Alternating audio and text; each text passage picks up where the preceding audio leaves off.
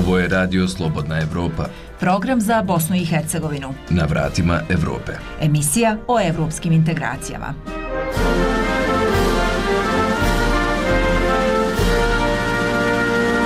Dobar dan, ja sam Kristina Gađe i s vama sam u sljedećih pola sata tijekom kojih govorimo o euroatlantskom putu Bosne i Hercegovine. U nastavku između ostalog poslušajte. Parlament Bosne i Hercegovine usvojio je 16. veljače zakon o sprečavanju pranja novca i financiranja terorističkih aktivnosti, kojim je Bosna i Hercegovina izbjegla sivu listu radne grupe za financijsko djelovanje. Ekonomistica Svetlana Cenić kaže da prvi korak nakon usvajanja zakona treba sprovesti. Utvrđivanje stvarno stanje prihoda i imovine svih ovih naših političkih elita i, i njihovih svita, teško da ćemo mi na zelenu granu. Bosna i Hercegovina postala je dio Europskog ekonomskog socijalnog komiteta, prvog službenog foruma Europske unije, koja prihvaća članove i zemalja kandidata, a Dabuda, da Buda, jedna od devet predstavnika nevladinog sektora iz Bosne i Hercegovine, navela je da će se kreiranjem propisa Europske unije poboljšati put integracije Bosne i Hercegovine u Europsku uniju. Ono što je važno naglasiti jeste da je to zaista, ja smatram lično da je istorijska odluka jedne evropske institucije da u svoj rad uključi direktno predstavnike i predstavnice organizacija civilnog društva iz devet kandidatskih zemalja u stvari. Tako da naravno mi sad jesmo članica, međutim nemamo pravo glasa, nego smo više u savjetodavnom svojstvu. Na dvodnevnoj obuci predstavnika resornih ministarstava kantona Sarajevo, koje se bave problematikom migranata, predstavljene su dobre prakse integracije migranata u Bosni i Hercegovini, Admir Katica, ministar unutarnjih poslova kantona Sarajevo, istaknuo je da je problem upravljanja migracijama osim u kantonu Sarajevo i na nivou države. Mi u vlad kantona Sarajevo i e, inovirali jednu novu instituciju koja se zove povjerenik vlade za migracije koji prikuplja na, na, na mjesečnom nivou sve osnovne podatke. Mi smo po tom pitanju informisana vlada i možemo donositi odgovarajuće odluke po ovom pitanju. Ove vas teme očekuju u nastavku, zato ostanite s nama. Na vratima Evrope. Emisija o evropskim integracijama. Parlament Bosne i Hercegovine usvojio je 16. veljače zakon o spriječavanju pranja novca i financiranja terorističkih aktivnosti kojim je država izbjegla sivu listu radne grupe za financijsko djelovanje Međunarodnog tijela za praćenje pranja novca i financiranje terorizma i ispunjavanja standarda u ovim oblastima. Ekonomistica Svetlana Cenić navodi da je prvotno potrebno utvrđivanje stvarnog stanja imovine i prihoda bosansko-hercegovačkih političara na vlasti kako bi ovaj zakon bio bolje implementiran. Prilog Lejle Omeragić-Ćatić. Zakon o sprečavanju pranja novca i finansiranja terorističkih aktivnosti usvojen je u Domu naroda parlamenta Bosne i Hercegovine u zadnjim minutama prije nego Bosna i Hercegovina dobije lošu ocjene Komiteta eksperata Vijeća Evrope za procjenu mjera protiv pranja novca i finansiranja terorizma Manival i nađe se na njihovoj sivoj listi. Prethodno je Evropska unija u Bosni i Hercegovini zatražila od Doma naroda da hitno zakaže sjednicu na kojoj će ovaj zakon usvojiti kako bi on ušao u evaluaciju Manivala. Ekonomistica Svetlana Cenić kaže da koliko je vlast bila zainteresovana da donese zakon, pokazuje činjenica da je zakon usvojen u 12.5.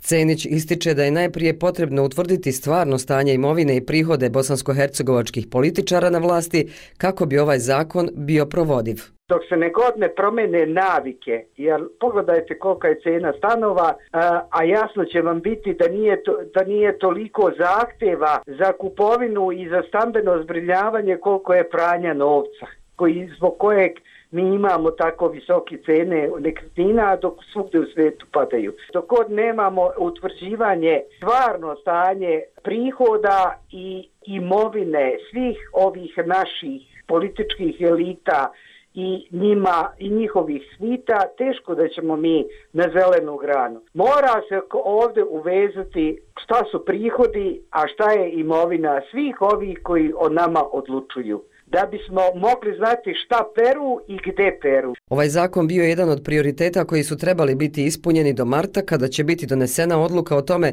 hoće li Bosna i Hercegovina početi pregovore o pristupanju Evropskoj uniji.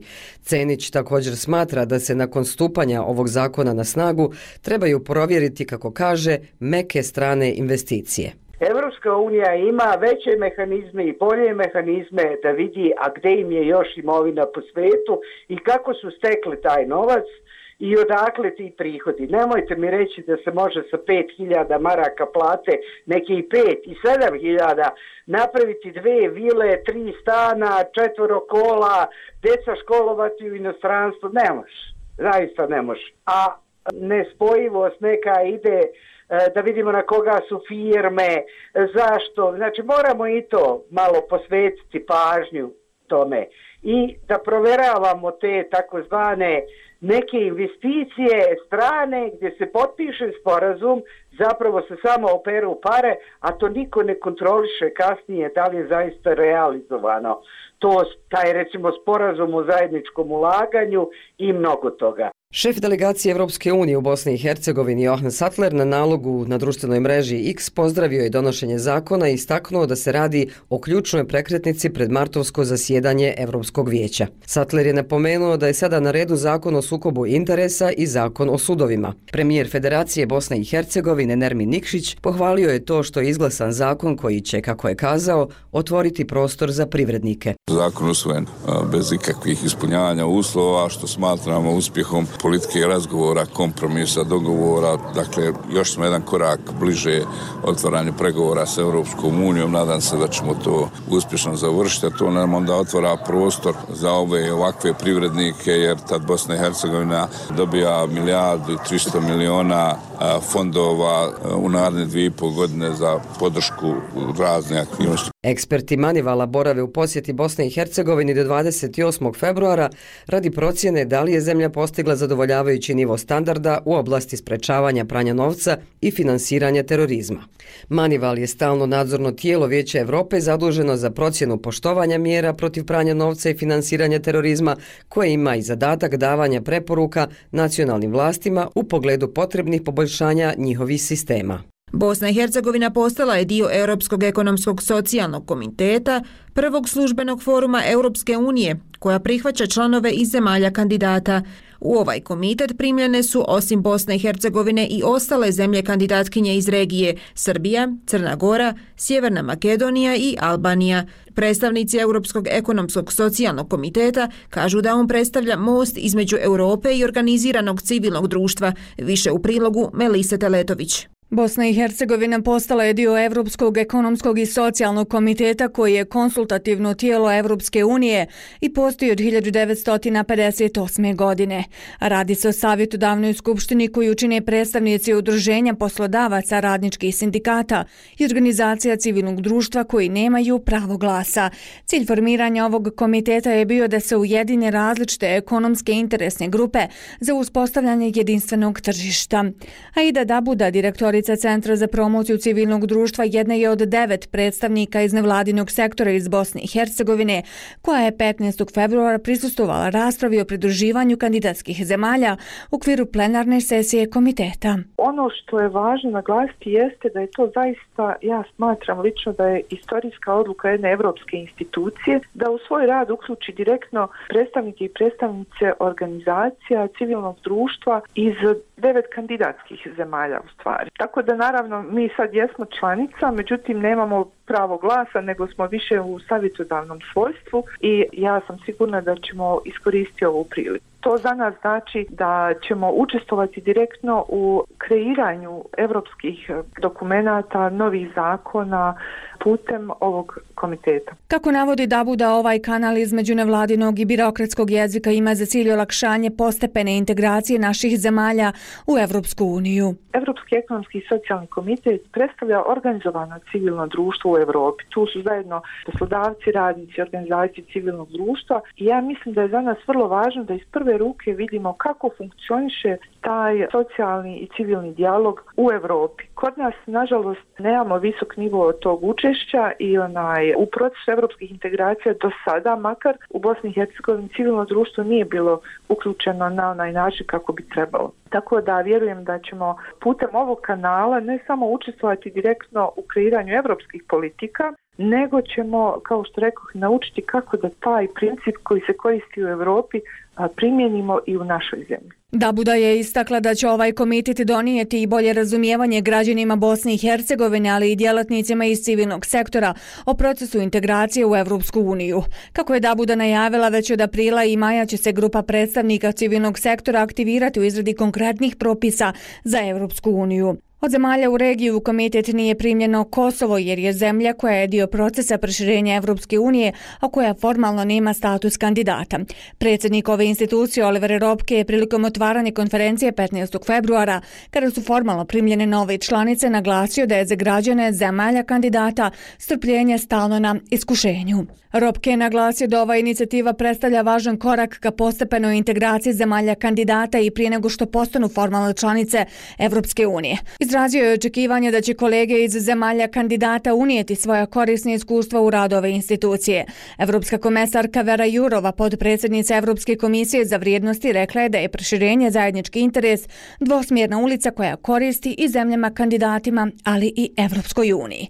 Ona je pozvala zemlje kandidate da se fokusiraju na vrijednosti demokratije i krenu ka Evropskoj uniji poštivajući zajedničke vrijednosti, posebno vladavinu prava i slobodu medija slobodnaevropa.org U kantonu Sarajevo dnevno prođe oko 1000 migranata, u Bosni i Hercegovini ih trenutno ima oko 34 tisuće. Ovo je zaključeno na dvodnevnoj obuci o dobrim praksama integracije migranata na kojoj su prisustovali predstavnici resornih ministarstava kantona Sarajevo koji se bave problematikom migranata, socijalnih službi te nevladinih organizacija. Obuku je organiziralo Ministarstvo unutarnjih poslova kantona Sarajevo uz podršku misije OSCE u Bosni i Hercegovini i Ureda za demokratske institucije i ljudska prava pri OSCE-u. Više donosi prilog Andija Mioča.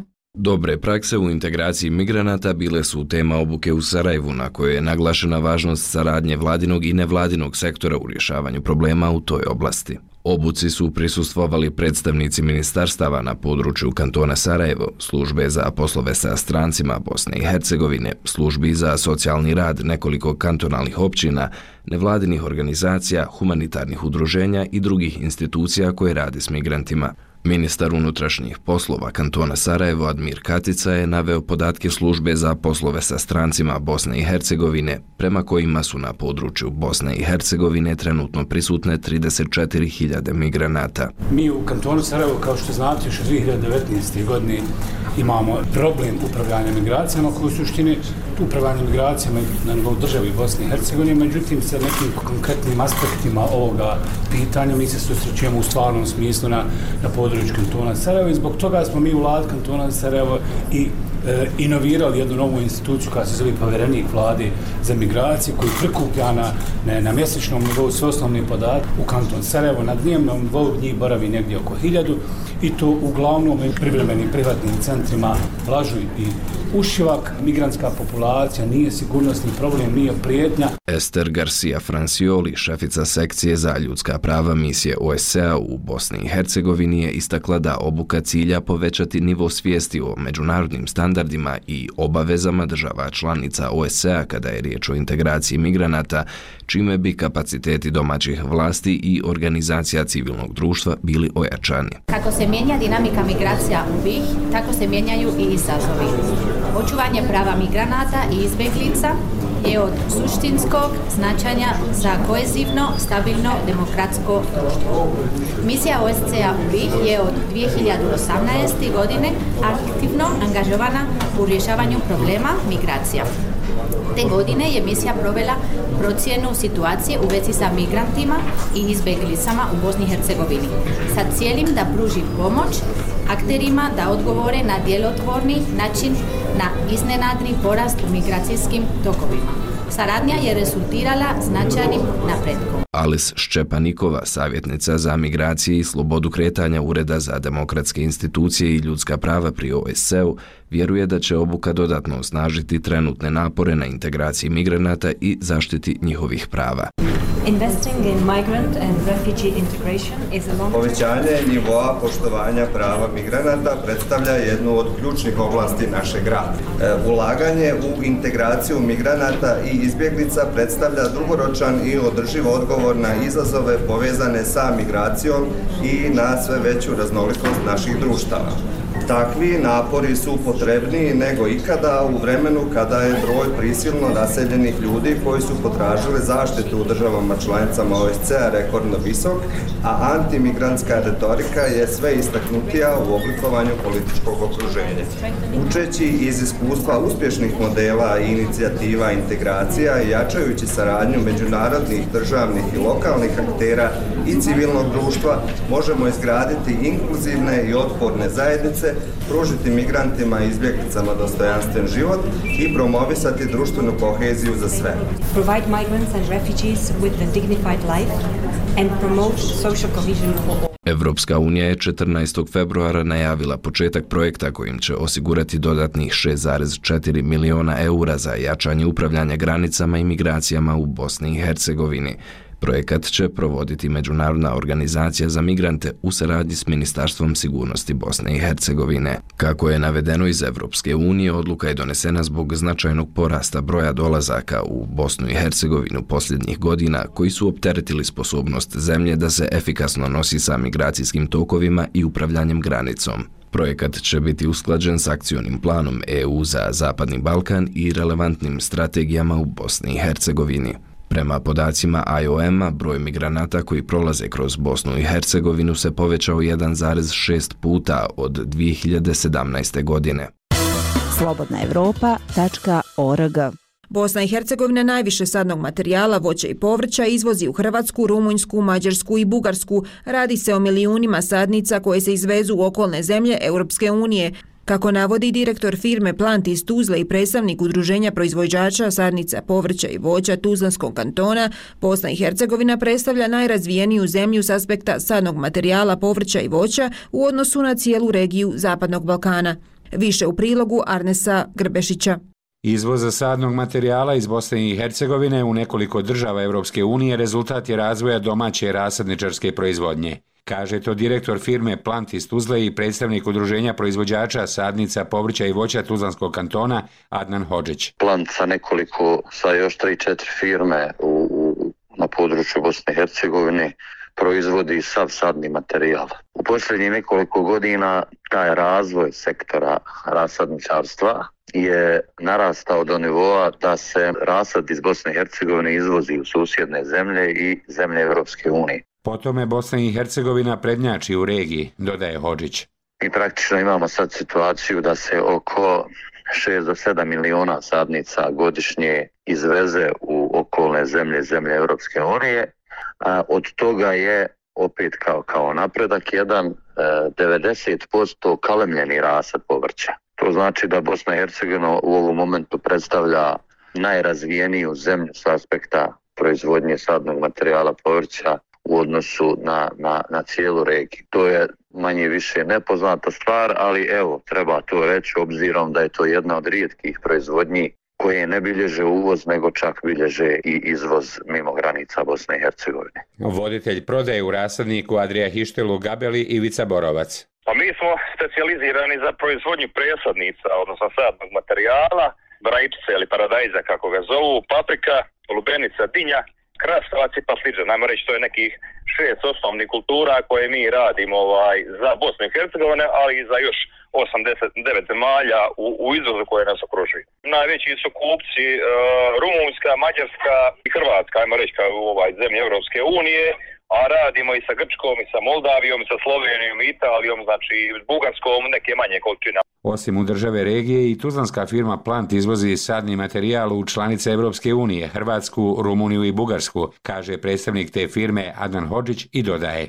Radi se o sadnom materijalu povrća dominantno paradajz, paprika i lubenica, nakon toga slijedi krastavac i to su ključne kulture. Od kalemljenog rasada najdominantnija je lubenica i paradajza, kalemi se još i dinja, krastavac i paprika. Kvalitet proizvedenog rasada nije upitan, ističe Hođić. Da bi se bilo šta izvezlo u Evropsku uniju, morate imati sve ono što, što Evropska unija zahtijeva. To opet govori o ozbiljnosti same proizvodnje. Znači ovdje ne pričamo plantu kao izvozniku, nego o cijelom sektoru koji napravi taj izvoz iz, iz Bosne i Hercegovine. A hercegovačka firma Adria Hištel dijelom je u vlasništvu poduzetnika iz Evropske unije, objašnjava Ivica Borovac.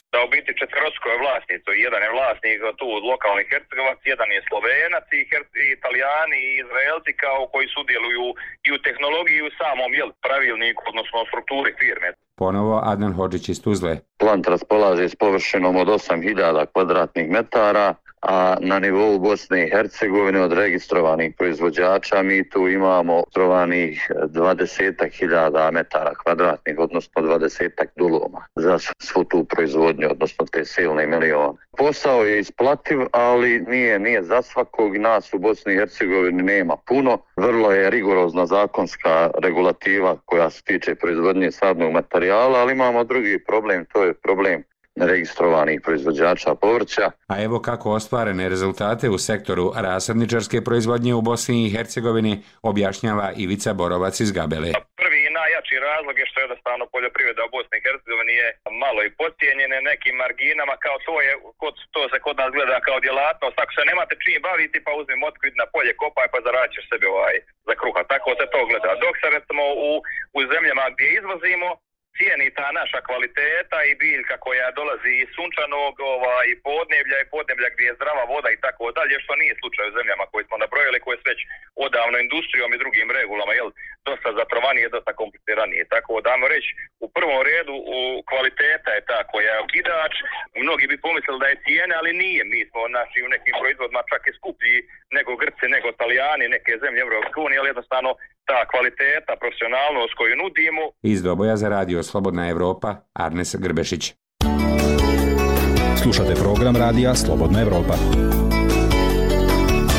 Trend smanjenja broja nezaposlenih na evidencijama Biroa rada u Federaciji Bosne i Hercegovine nastavljen je i ove godine, a osim odlaska iz Bosne i Hercegovine, razlog je i u programima sufinansiranja, zapošljavanja i samozapošljavanja. Za te namjene Federalni zavod zapošljavanja ove će godine izdvojiti 85 milijuna maraka, a prvi javni pozivi upravo su objavljeni. Više o ovoj temi u prilogu Azre Bajrić. Želju da ima vlastiti biznis, frizerka Ramajla Keranović ostvarila je krajem prošle godine, zahvaljujući učešću u programu sufinansiranja samozapošljavanja Federalnog zavoda za zapošljavanje. I odlučila sam da otvorim za sebe i da budem svoj vlasnik saluna. Za sve je bitno trud, volja i želja za ovim poslom. Tim da smo dobili tu pomoć, to je bilo vjetar u leđa za početak otvaranja našeg biznisa. 6000 smo dobili za početak, iskoristila smo i za doprinose. To je pomoglo za početak mog otvaranja salona. Pokušavala sam na sve načine da se to priuštim. Programima sufinansiranja samozapošljavanja podržani su biznisi uglavnom mladih i žena.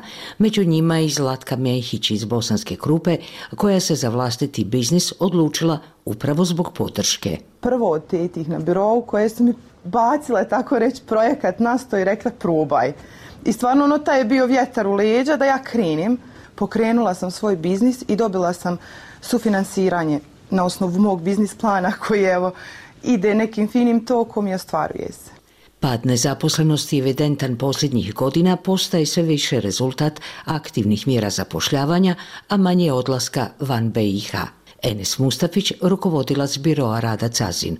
Upravo ove e, mjere daju priliku mladim osobama da ili osnuju svoju djelatnost ili se zaposle u neku firmu gdje federalni zavod znači subvencira to njihovo zapošljavanje. Što se tiče osnivanja djelatnosti, odnosno aktivne mjere start-up, odnosno druga prilika u prošloj godini je 43 djelatnosti osnovano posredstvom službe za zapošljavanje, odnosno posredstvom biroa rada Cazin. Ono što je bitno naglasiti, znači da su većinom osobe koje su aplicirale kroz javni poziv, da i danas njihove djelatnosti uspješno djeluju.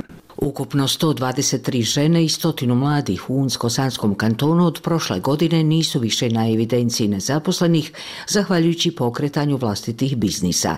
Efekti aktivnih mjera zapošljavanja su evidentni, a kaže Neđad Veleđić, direktor kantonalne službe zapošljavanja. Mi smo u 2023. imali 300 dva samozapošljavanja, odnosno 300 e, dvije osobe su brisane sa evidencija koje su samostalno otvorile svoju djelatnost, da li je to domaća radnost, obrt, e, deo ili, ili, bilo koji dio vida pravnog lica, znači a preko 1500 i svi ukupno kada govorimo i samozapošljavanje i zapošljavanje. I pomenuo bi da imamo negdje u ovoj godine planirano oko 8,5 miliona maraka koje bi trebala pripasti po nekoj raspodjeli službi za zapošljavanje. I mi smo tu posrednici, znači ta sredstva federalni zavod uplaćuje direktno na račune poslodavaca i osoba koje otvore svoje samostalne djelatnosti. U Federaciji BiH prošle godine registrovan 2141 mali biznis, a mjerama aktivne politike zapošljavanja zaposleno oko 12.000 osoba. Ove godine Federalni zavod zapošljavanja planirao više od 85 miliona maraka za mjere aktivne politike zapošljavanja. Za Radio Slobodna Evropa, Azra Bajrić. Slušate Radio Slobodna Evropa. I za kraj emisije jedna priča o mladima iz Srebrenice, grada na istoku Bosne i Hercegovine. U Srebrenici nema mjesta za druženje mladih. Tako kažu mještanke Neila, Vildana i Jelena, koje slobodno vrijeme uglavnom provode u okolnim gradovima. Kažu da ono što im fali u Srebrenici je kino, šetalište, autobuska stanica i shopping centar. Više u prilogu, a ide Đugum. 19-godišnja Jelena Mijatović kaže kako izlazi u 7 km udaljen Bratunac gdje kako ističe ima više mladih osoba sa kojima se može družiti. Jelena dodaje da nakon 15 sati kada završava smjena u školi, Srebrenica postaje potpuno pusta. Autobusa nema, u Srebrenici čak ni ne postoje, autobuska stanca zatvorena je prije par godina. Putujem taksijem, ne živim baš u centru Srebrenice, nisam baš gore u gradu. Najviše budem u Bratuncu, dva puta sedmično idem u grad gore u Srebrenicu, u muzičku školu i tad provodim vreme gore. A najviše i mladi čak iz Srebrenice e, skoro svaki dan dolaze u Bratunac, jer u Srebrenici postoji samo dva kafića i u njih više ili idu stariji i onda mi mlađi pretežno biramo Bratunac i Bratunački korzo i kafiće, jer i više društva bude u Bratuncu. Jelena zbog udaljenosti od Srebrenice do centra i drugih okolnih gradova putuje taksijem, baš kao i svi mještani koji nemaju prijevoz. Jelena kaže kako su joj roditelji rekli da je prije deseta godina gradić bio življe mjesto. Da mladi nemaju mjesto za druženje u Srebrenici slaže se i Jelenina najbolja prijateljica Neila Salihović, učenica četvrtog razreda opšte gimnazije u Srebrenici. Nema ništa što bi nas moglo interesovati u smislu da ima neki program ili barem film da puste ili nešto tako. Nema apsolutno ništa što bi omladinu moglo pripući u Srebrenicu. Većina ljudi, mislim ja prva sa mojim porodicom, idem najbliže u zvornik da bi, ne znam, otišli u kupovinu, ne znam, neke odjeće koja bolja. Nakon studija Nejla se planira vratiti u Srebrenicu i pokrenuti nešto za mlade, poput kafića ili društvene organizacije. Bildana Omić se s porodicom vratila u naselje Budak kod Srebrenice 2002. godine. Kaže da je tada bilo drugačije mjesto. Sada Srebrenica nema ni mesaru, ani pekaru. Nakon studija Vildana se vratila u Srebrenicu zbog pronalaska posla. Budući da vozi često lokalne mještane poveze do grada da kupe namirnice, a kaže da je to praksa svih mladih koji imaju automobile. Mi iz Srebrenice nemamo ugostiteljske objekte u kojima možemo izaći posle radnog vremena. Mi nemamo objekat, ugostiteljski objekat u Srebrenici gdje bi mi mladi mogli izaći. Nama nedostaje siguran posao mladima kako bi ih privukli da se vratimo.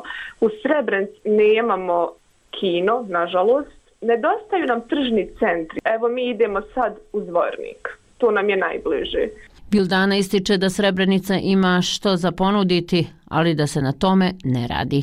Načelnik opštine Srebrenica Mladen Grujičić, koji je već dva mandata, odnosno osam godina na toj poziciji, kaže da je situacija za mlade loša.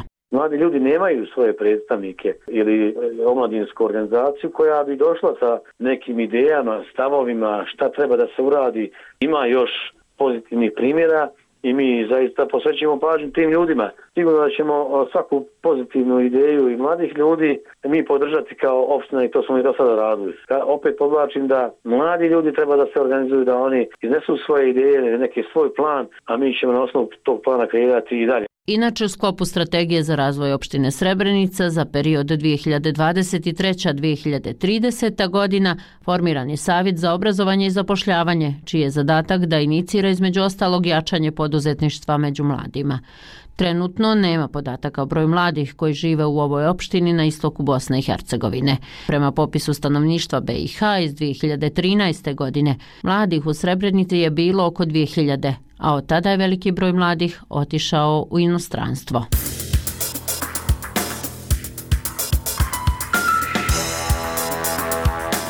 Bilo je to sve što smo pripremili u ovom izdanju emisije na vratima Evrope. Ostale naše sadržaje možete naći na web stranici slobodnaevropa.org. S vama su u proteklih pola sata bile Vesna Jelčić i Kristina Gađe.